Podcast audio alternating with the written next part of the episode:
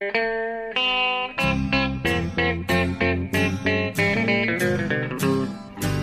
out there, we're on the air. It's hockey night tonight. Tension grows, the whistle blows, and the puck goes down the ice. The goalie jumps and the players bump, and the fans all go insane. Someone roars, Bobby scores at the good old hockey game. Oh, the good old hockey game is the best game you can name. And the best game you can name is the good old... Hallå, hallå, hallå, hallå, hallå, hallå, hallå, hallå, hallå, hallå där, hallå! Hallå och välkomna till eh, NHL-podcasten med den där pigge Jonathan Mowgli Ekeliv ni just hörde i Stockholm och mig Per Bjurman betydligt mindre pigg i Las Vegas.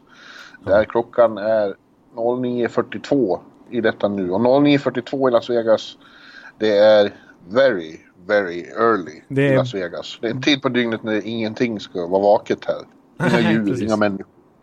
Eh, så att eh, samma studs i steget får ni inte höra och se från mig. Men vi ska ändå försöka genomföra avsnitt nummer 247 här. Nu. Ja, ja precis. Jag måste få använda uttrycket för det, det är alltså bagarväckning monumentale. På riktigt nu alltså. 09.42 i Las Vegas, det är tidigt, det är tidigt. Jag förstår om du är sliten alltså.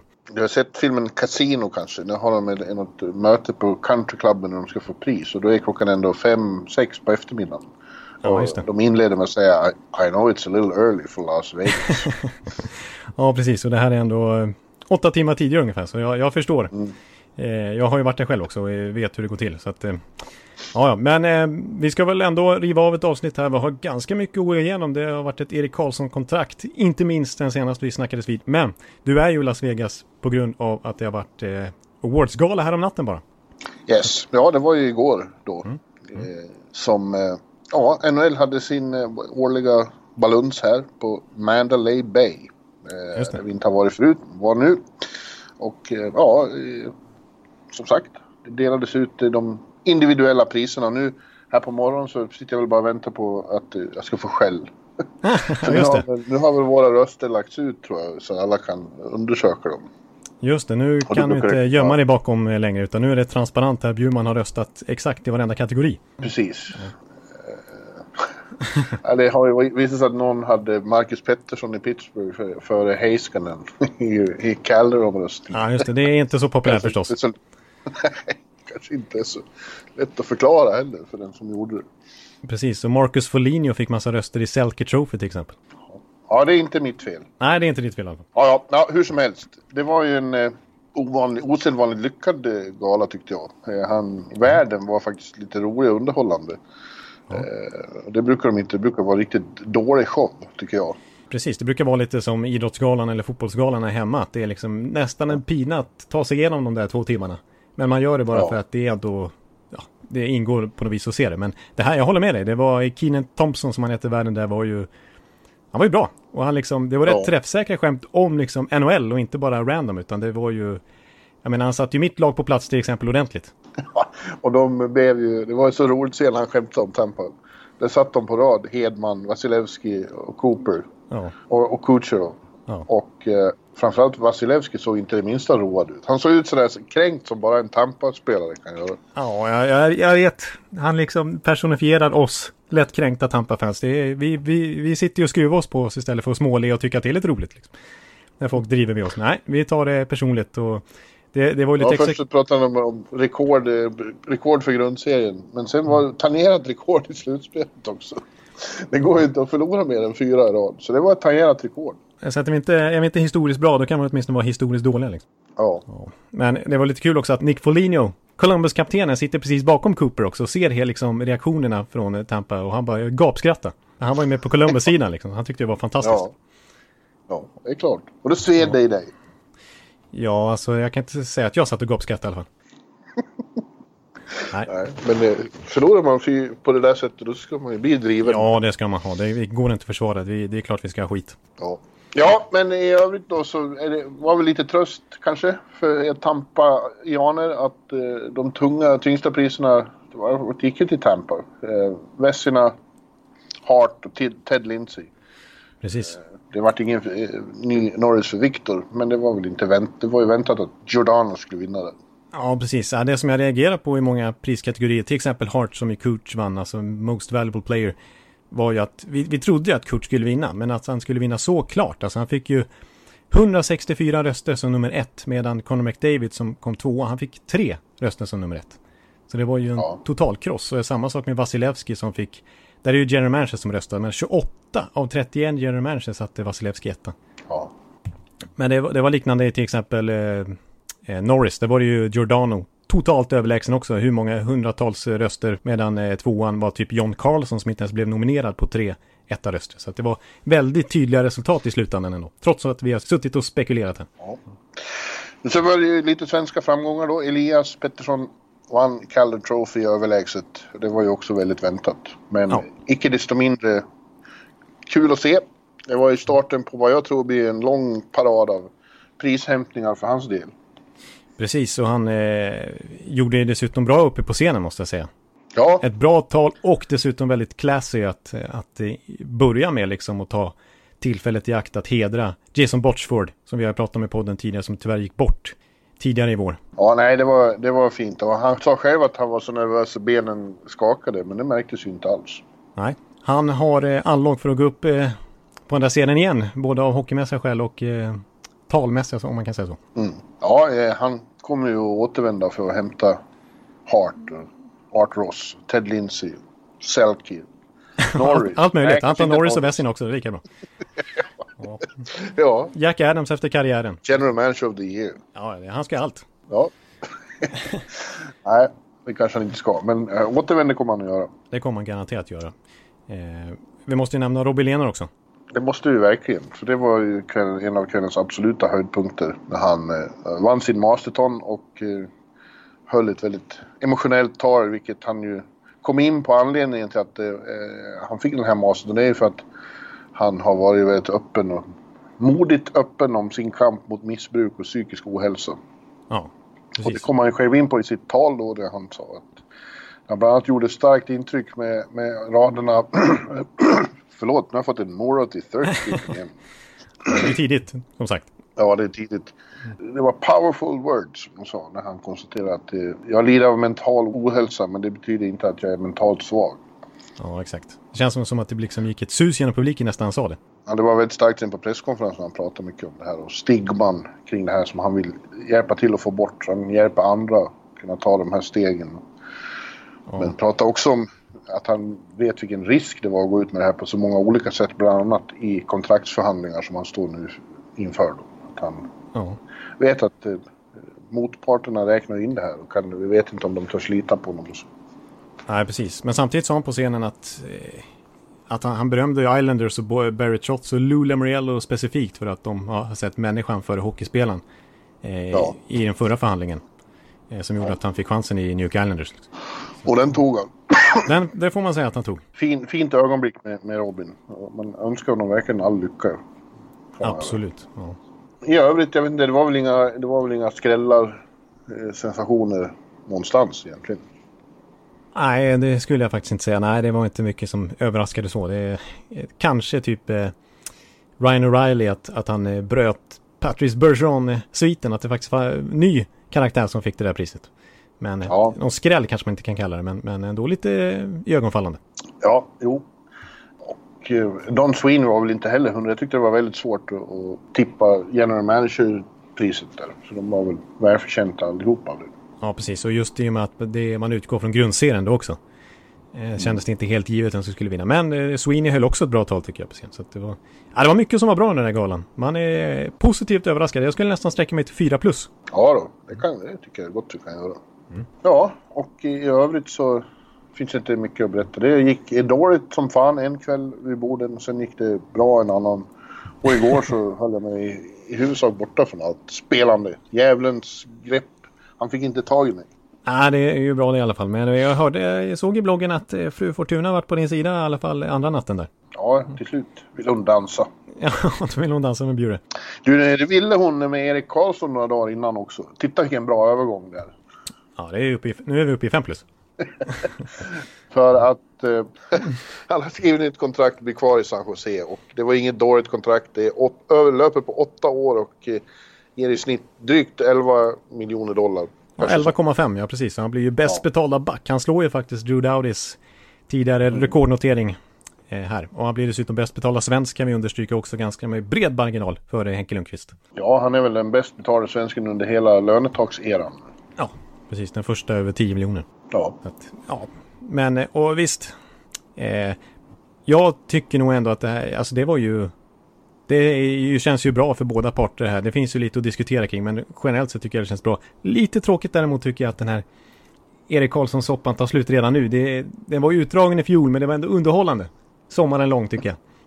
Och det hade ju ja. varit kul att se en blockbuster över första juli när han tar ett oväntat val eller sådär. Men, och jag som hade lite, lite, lite tampa förhoppningar dessutom rent subjektivt här. Men, men eh, generellt sett så eh, han fick ett rejält med pengar och jag menar, vem vill lämna Silicon Valley liksom? Nej, ja, nej, det är ju desto roligare för honom. Ja. Jag, jag, tror inte han var lika road av tanken på, på, på en sån här oviss sommar. Nej, det är klart. Mm. Och eh, ja, det, det, finns ju ändå de som tycker att det är på tok för långt och för mycket pengar och att det här kommer att bli stora problem för San Jose i framtiden. För man tror ju att Eriks hälsoproblem inte ska lösas då. Men, men mm. om de gör det, vilket det borde... Han har ju opererat sig ändå och fått hjälp med trasslande ljumskar. Precis, och det är Shark som har behandlat honom och de tycker ju, de skriver inte det här kontraktet om de inte tror att han kommer återhämta sig så att säga. Ja, precis. Och de, de behövde inte så hemskt mycket för att se vad en, vad en eh, frisk och hel Erik bidrar med. De, det, det lilla smakprovet, i princip sa ju DeBoer att han hade honom bara i hundraprocentigt skick i sex veckor. Ja, ja. Men under de sex veckorna hann de ju se att Erik kan vara pjäsen som, som som bryter förbannelsen och ser till att de får sin första Stanley Cup. Precis, för det var ju där i december när han var hel och frisk och hela laget liksom gick på 100% och då var de ju bäst i ligan och tog ju mest poäng under december månad. Och spelade en otrolig hockey och trots rätt mycket skadeproblem under slutspelet, inte bara på Erik Karlsson, alltså det snackas om att till slut kunde han ju inte gå på några procent alls, men han gick ju på typ 70% under slutspelet sägs det ju. I alla fall hur mm. längre det gick. Och, och trots det så var de bara två matcher från att slå ut mästarna St. Louis. Och de gick till konferensfinal. Så att ett friskt San Jose tycker jag ändå har ett fönster här på två, tre år till åtminstone. När de är riktigt slagkraftiga. Även om det kan bli så att det här innebär att typ Joe Pavelski inte får plats under löntaket. Så att det här i sin tur innebär ju, markerar ju lite grann någonting i, i San Joses historia. De har gått vidare från Marlowe för några år sedan. Nu är det väldigt mycket som talar för att Pavelski inte får plats heller. Om han, ska, om han vill ha ett marknadsmässigt kontrakt. Han måste ju gå med på en rejäl paycut annars. Ja, mm det är en markering nu att man vet ju inte med Thornton heller. Nej, precis. Där, där, han har i alla fall uttryckt att det är inget snack om att han ska fortsätta spela. Han har sagt att... Eh, ja, ja, fem år till. Fem år till, ja precis. Ja, och sen kanske vi tar fem år till efter det. Jag vet inte vad jag ska göra annars. Jag kommer spela hockey. Jag är bra. Jaromir Thornton, som de kallar honom. Ja, just det. Exakt. Som ju har stor del i att många väljer att stanna har vi ju märkt också. Han är ju liksom lagpappa, en trivselfaktor i klubben. Eh, ja. Som åker och hämtar nyförvärv på flygplatsen och får in dem i gänget direkt. Det är ju liksom familjärt som, som du har varit inne på många gånger. Det är så många som trivs där. Och vi har sett så mm. jättemånga som förlänger. Den här kåren, förutom Pavelski och Thornton, även Burns och Vlasic förstås och Couture och sådär. De väljer ju att förlänga sina kontrakt. Evander Kane, han, var, han kunde, kunde blivit UFA förra sommaren. Efter att bara varit några månader i klubben när de tradade till sig honom från Buffalo. Nej, han, han, det, han vill inte ut på UFA-marknaden. Han vill skriva nytt kontrakt med San Jose. Jag trivs kanon här, tänkte han. Mm. Så att, och samma sak med Erik Karlsson. Ja. Ja, nu blev det svårt att få en syn i vädret igen. Ja. Entusiastisk Jonathan Jäkeliv. Ja. En som eh, efter det här inte heller har så stora förutsättningar att få stanna är väl Gustav Nyqvist. Nej, ja, precis. Det blir för ont om pengar där under taket. Ja, precis. För den som de måste... De har alltså har de åtta forwards under kontrakt tror jag. De har ungefär 15 miljoner i cap space. Och vi får se vad den där summan landar på egentligen. För att de hotar ju med... Eller det ryktas ju om att eh, löntaket kommer vara lite lägre än förväntat. Inte 83 miljoner som klubbarna har förväntat sig och liksom haft som kalkyl, utan det kanske blir under 82 miljoner. Ja, då blir det svettigt för många. Ja, precis. Många klubbar verkligen. Alltså Tampa, Toronto, eh, San Jose inte minst i det här fallet då. För att vi ska komma ihåg att förutom Pavelski och Nyqvist som vi har nämnt nu så den som kanske förtjänar det allra största lönelyftet det är ju Timo Meyer. 30 målsäsong. Den unga, nya, liksom stjärnpotentiella superforwarden de har. Eh, han, jag menar om Evander Kane gör 30 mål och ska 7 miljoner dollar, då ska väl Timo Meyer ha minst detsamma. Mm. Eh, och då försvinner ju halva det där löneutrymmet. Eh, och då har de fortfarande bara nio forwards under kontrakt. Så att det blir tight, tight, tight där för, för San Jose. Men jag tycker man ska prioritera naturligtvis Mayer och ge han det han vill ha. För han är otroligt viktig för deras framtid. Ja. ja. Men eh, vi vet i alla fall att eh, Erik blir i San Jose länge, länge. Precis. Och den där backsidan som sagt, den var ju... När de gick på 100% så var de ju sådär fruktansvärt bra som vi trodde. Burns, Vlasic och Karlsson. Eh, så att det, det, och det, de kommer ju hålla ihop ett bra tag till nu. Sen ska jag bara nämna att det, det kommer ju bli en så här Los Angeles Kings situation för dem om fem år. Det är bara att slå fast. Då är Burns 39, Vlasic 37, Karlsson närmar sig 35, Couture 35-årsåldern. Men alla har fortfarande lika skyhöga kontrakt. Att, eh, Men om de har tagit två Stanley Cup vid det laget så har det varit värt det. Ja, det är så man får lov att se det. Precis, och det har de ju verkligen potential att göra. Jag menar, det hade varit dummare av Dog Wilson att inte skriva det här kontraktet med Erik Karlsson. Nu har han verkligen satt upp sitt lag här. Att äntligen bryta den här torkan och vinna. Så jag tycker det är rätt. Mm. Det hade varit dumt att inte göra det här. Precis. Ja, unge vän. Nu ja. går vi vidare. Ja. Det har ju hänt mer. Det, det, både både eh, Doug Wilson och han i, i eh, Winnipeg. Eh, Troba. Cheveldayoff, ja. Ja, ja Troba blir general manager. Ja, det hade blivit konstigt. Nej, båda två har ju i, i intervjuer sagt att det, de har inte sett på maken till eh, aktivitet på trademarknaden. Det, ja, det. det, det surras oavbrutet. Ja, det är ju spännande tycker vi. Ja, det kommer hända väldigt mycket innan helgen här. Och under helgen på draften och så. Ja, och, och veckan som leder fram till första juli, det kanske bara fortsätter. Eskalera, vem vet? Ja. Ja. ja, det har ju redan hänt då mycket. Du, du sa ju namnet Jacob Troba. Ja. Han har New York Rangers lyckats uh, lägga rabarber på. Uh, och jag, tycker jag och de flesta med mig rånat Winnipeg. Ja. I, I, andra riktningen skickar de Neil Pionk plus det första val de fick för Kevin Hayes. Ja. Uh, och Pionk har ju gott anseende här och där men har ju varit bedrövlig i Rangers. Precis, han hade en alldeles för stor roll. Eh, när, I och med rebuilden så har de inte haft så mycket annat att sätta upp där i, i de stora minuterna och han har ju inte klarat av det. Han har ju varit, eh, varit kaos i defensiv zon när han har varit inne på isen. Mm. Eh, men så, att, så det här innebär i praktiken att eh, Winnipeg fick Neil Pionk och 26 matcher med Kevin Hayes för Jacob Troba, en 25-årig högerfattad tvåvägsback som gjorde 50 poäng den här säsongen. Det är ju ett skämt. Ja, men väldigt bra för Rangers.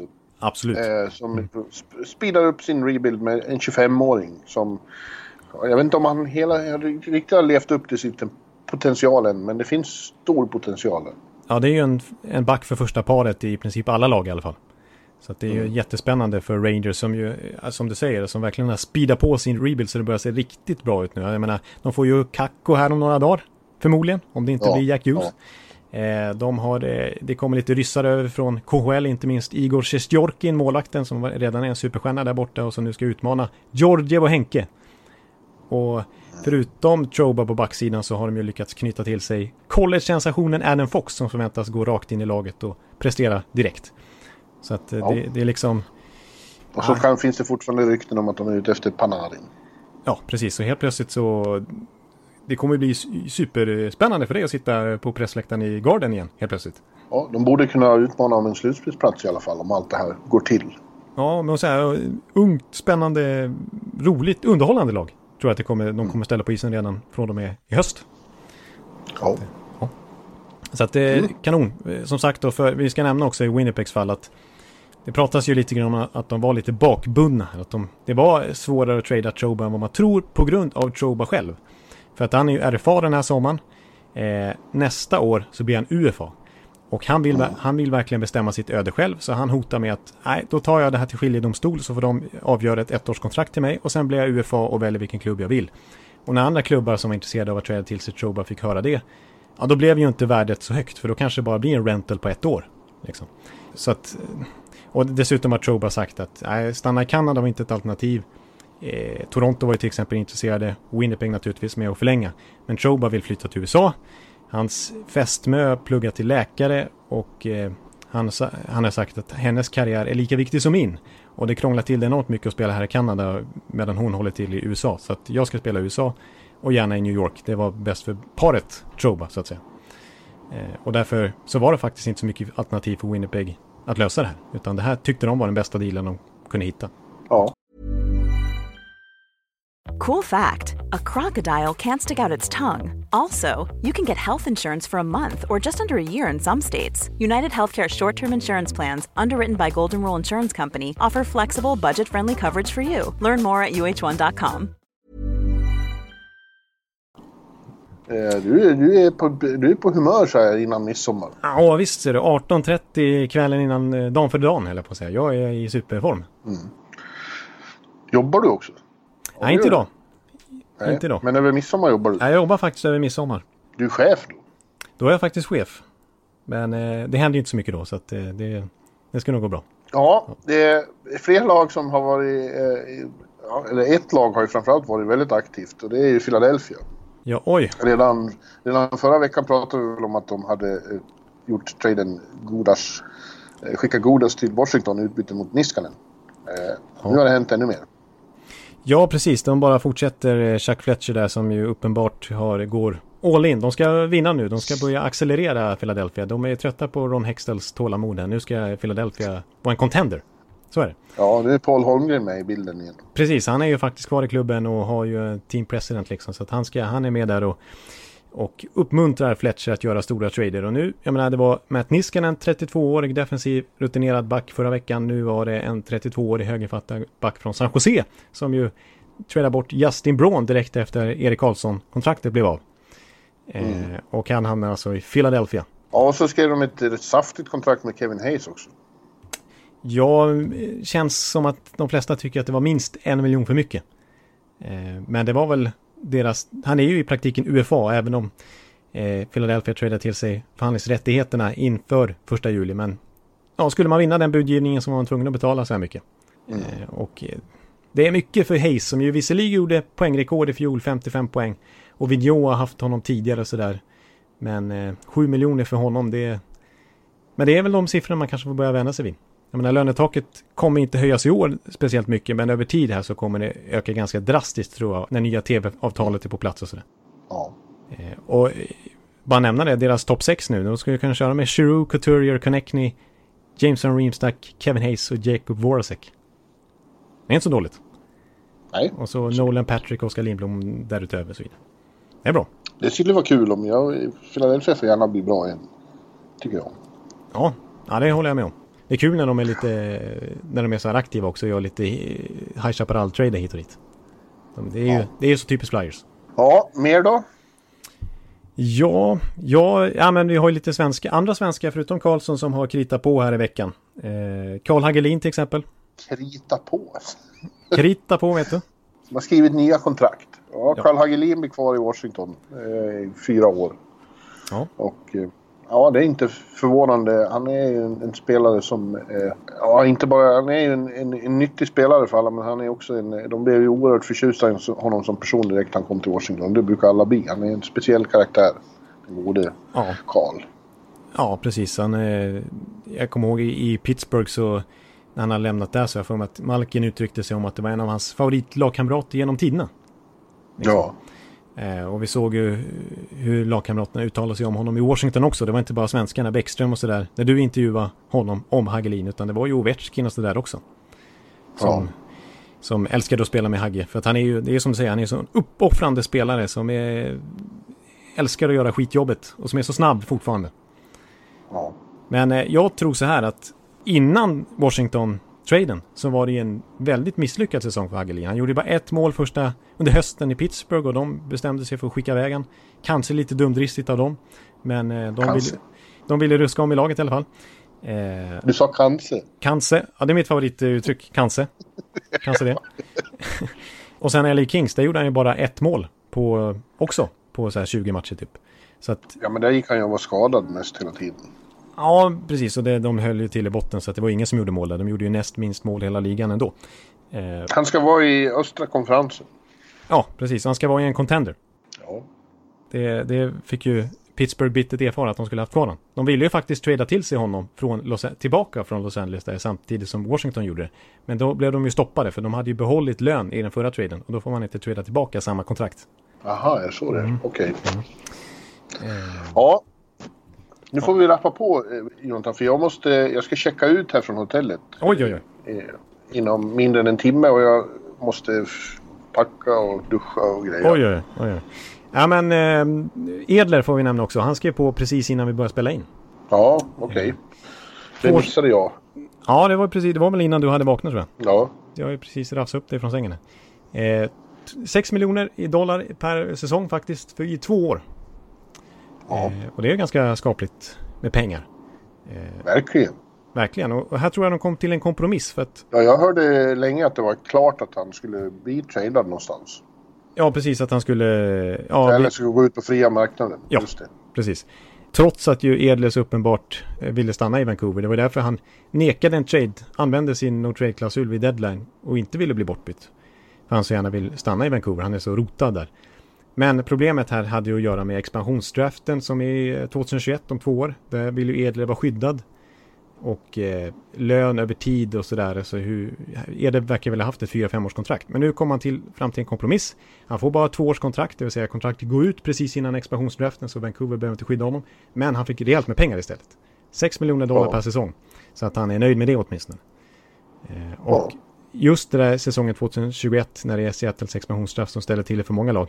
Eh, För Vancouvers del är det till exempel samma år som Elias Pettersson ska ha nytt kontrakt och då behöver de ha löneutrymme. Så Ja. Mm. Ja, hörde du. Till helgen är det ju draft också i just Vancouver. ja precis. Eh, och eh, jag ska inte dit. Vi har ju inga toppsvensk namn i år. Det är ingen som kommer att gå topp 10 i alla fall. Ja, och kanske vi får se. Vi får se utifrån vad jag tippar. Mm.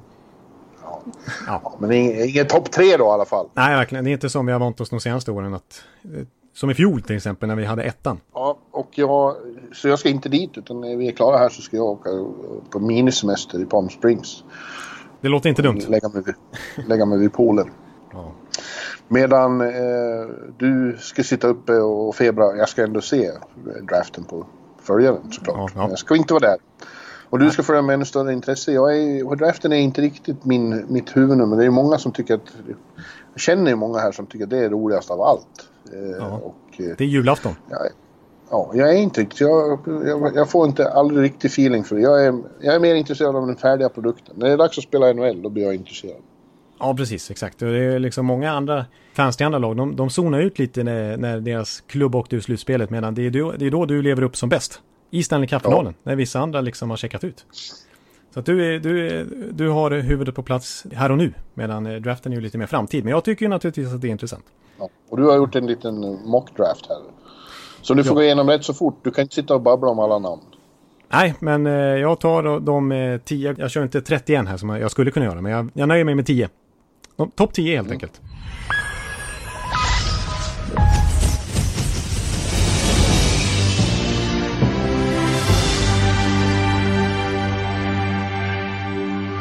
Och sen säger vi då helt enkelt att eh, New Jersey går upp på scenen och Ray Shero säger att eh, we want to thank you Vancouver Canucks for the hospitality and congratulate uh, the St. Louis Blues for the Stanley Cup with the first overall pick from USN TDP. The New Jersey Devils are proud to select Jack Hughes. Jag tror ändå att han går rätta. Det står ju naturligtvis mellan Kack och han och det vet vi om. Men eh, mycket ska till om inte Jack Hughes går rätt. Han är ändå amerikan, han har swagger, han är liksom face of the franchise kompatibel. Och det är svårt för ett amerikanskt lag att tacka nej till de möjligheterna. Så att han kommer gå etta. Ja, och då sitter Rangers bara och väntar på det beskedet och så tar de den som New Jersey inte tog. Precis, det blir nog inte så utdraget eh, andra valet utan de går upp direkt och säger bara ja, Capo Caco från TPS Åbo helt enkelt. Eh, och eh, förmodligen är han mer NHL-redo än Hughes ändå ska man säga. Vi såg ju i VM hur otroligt bra Caco redan är. Eh, och liksom han eh, som 18-åring, han slog ju rekord i finska ligan, mest antal mål där, 22.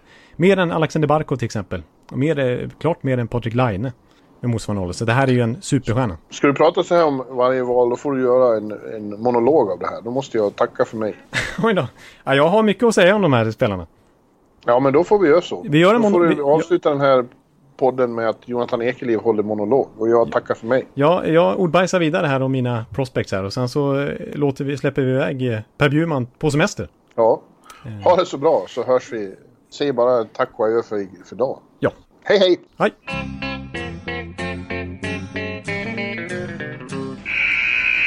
Ja, men då fortsätter jag helt enkelt eh, på egen hand här. Får se hur det blir. Eh, val 3 till 10 fortsättningen på den här mockdraften. Och mockdraft innebär alltså att vilka jag tror att lagen kommer välja. Inte nödvändigtvis hur jag skulle valt själv, utan vilka jag tror liksom respektive klubb kommer ta. Men vi tar val nummer tre då. Etta gick Hughes, tvåa Kaku, trea Chicago Blackhawks. Där säger jag att de tar Alex Turcott, local boy. Han är född i Chicago faktiskt och har sagt att det vore en dröm om Blackhawks väljer honom. Eh, och det tror jag faktiskt att de gör. Alltså, eh, var kommer han ifrån då, Turcott? Förutom att han är från Chicago. Jo, han har ju spelat då i, precis som Jack Hughes, det här eh, USNTDP, USN TDP, US National Development Program. Vad är det för någonting egentligen? Jo, det är ju ett, alltså ett lag, ett U18-lag som är sanktionerat av USAs hockeyförbund för att de handplockar helt enkelt de bästa talangerna, samlar dem i en liten förort i Detroit där de har fantastiska faciliteter, en jättefin arena perfekta möjligheter för att träna och utvecklas som spelare. Eh, och det är praktiken deras U18-landslag kan man säga. Så att det är de som representerar de här i Sverige nyligen när det var U18-VM till exempel. Juso och Turcot var ju där. Och Turcot, vad är det för spelare? Jo, det är en, en tvåvägscenter. Jämförs med just Jonathan Taves, att han skulle kunna vara en arvtagare till honom på sikt i Chicago. Bra på det mesta och framförallt ruggig vinnarskalle. Jag tror att de väljer sin local boy här i Chicago och tar honom. Eh, val nummer fyra. Då säger jag, det är ju alltså Colorado Avalanche då.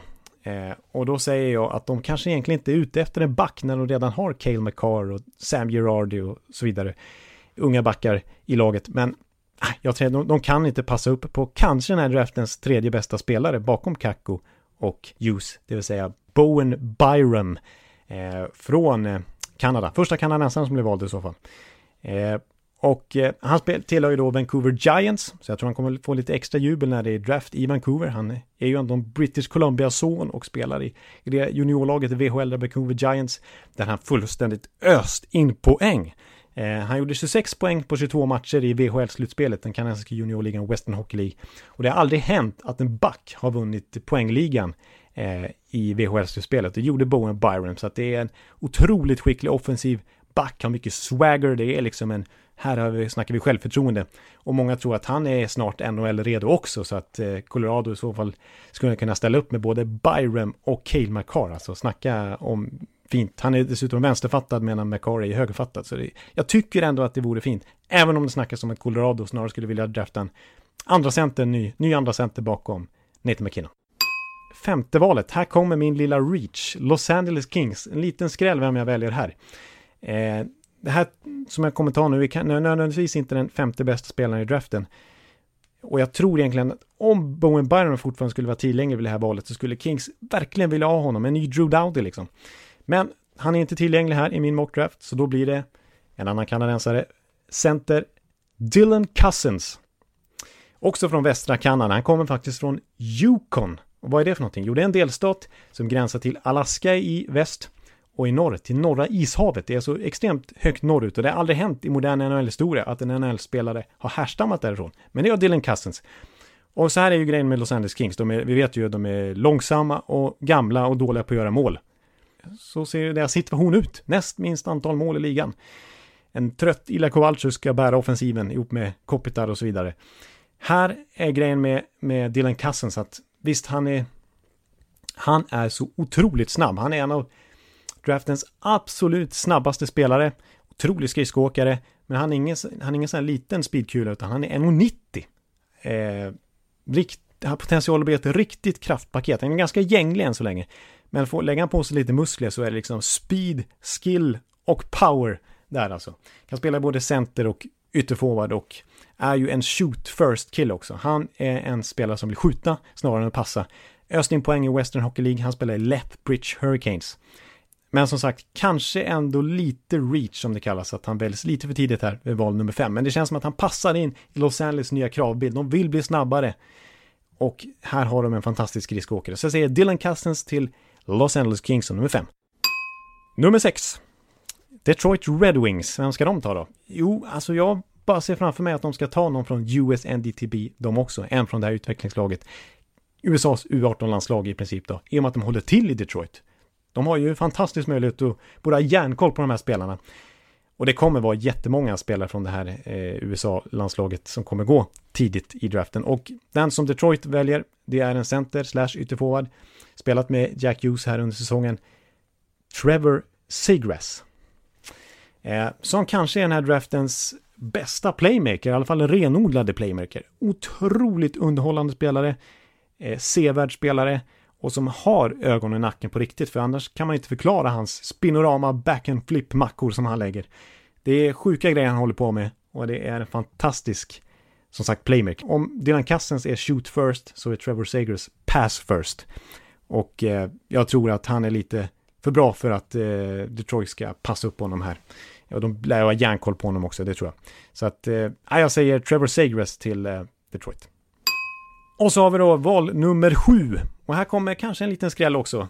Trots att det kanske inte borde vara det, men jag säger ändå att Buffalo Sabres också tar en spelare från USN TDP. Och de väljer draftens kanske bästa renodlade målskytt. Cole Caulfield. Eh, som ju ah, han gör så mycket mål så det finns inte. Här i U18-VM i Sverige gjorde han alltså 14 mål på sju matcher. I USN TDP eh, under säsongen på, vad var det, 60 någonting matcher så gjorde han 72 mål. 72 mål! Det är rekord, det har aldrig hänt i den utvecklingslagets historia. Hugh slog ju alltså poängrekord där, Cole Caulfield målrekord. Eh, och då ska vi komma ihåg att spelare som Austin Matthews, Phil Kessel, Patrick Kane, Jack Eichel, bla bla bla bla bla bla, har spelat i det där laget genom tiden. Så att, eh, att ha rekordet i antal mål, det är inte dåligt. Problemet för Cole, Cole Caulfield som har gjort att han inte går liksom topp tre som man borde kanske göra annars, när man gör så här mycket mål, det är att han är 1,70 lång. Det är en liten splink där. Eh, som gjort att vissa till och med rankar honom utanför topp 15 liksom. Men nej, nu borde lagen ha lärt sig så som ligan utvecklats att man måste inte vara 1,90 för att prestera på NHL-nivå, utan man kan vara 1,70 som Alex DeBrinket, som kvalitetsmässigt rankades topp 10 2017 draften, eller 2016 draften var det nog. Eh, men gick alltså i andra rundan först och bara nu några år senare så har han redan gjort 40 mål den här gångna säsongen i Chicago. Så att, nej, Buffalo Sabres, de tar Cole Caulfield och placerar honom in till Jack Eichel så kommer de göra mycket mål framöver. På åttonde plats då, Edmonton Oilers. Och här sägs det att Edmonton ska välja en back, eh, även om de skulle behöva lite vad som helst. Eh, skulle verkligen behöva forwards också. Men, eh, och jag säger att de tar en forward bara för att Kirby Dash, eller Kirby Dock som man ska uttalas, eh, finns tillgänglig i åttonde valet. Det är många som rankar honom topp fem. Eh, jag tror att LA Kings kanske kommer ta honom snarare än Dylan Cousins, men jag säger att han hamnar i Edmonton vid åttonde valet. Han är också en otroligt skicklig spelare alltså. Eh, många säger att han kanske är den forward utöver Kakko och Ju som har högst potential i hela draften. Potential alltså. Eh, för att han har, han har ju alla verktyg, han är storväxt, han är snabb, han har otrolig teknik, han är extremt flashig och när han är på humör då är han nästan ostoppbar. Men grejen är att han är inte på humör alltid alltså, han är ojämn. Han dyker inte upp ibland mentalt liksom och eh, det är ett orosmoln som gör att han kanske kan sjunka lite grann i draften, vi får se. Eh, många jämför honom faktiskt med en ung Ryan Getzlaff.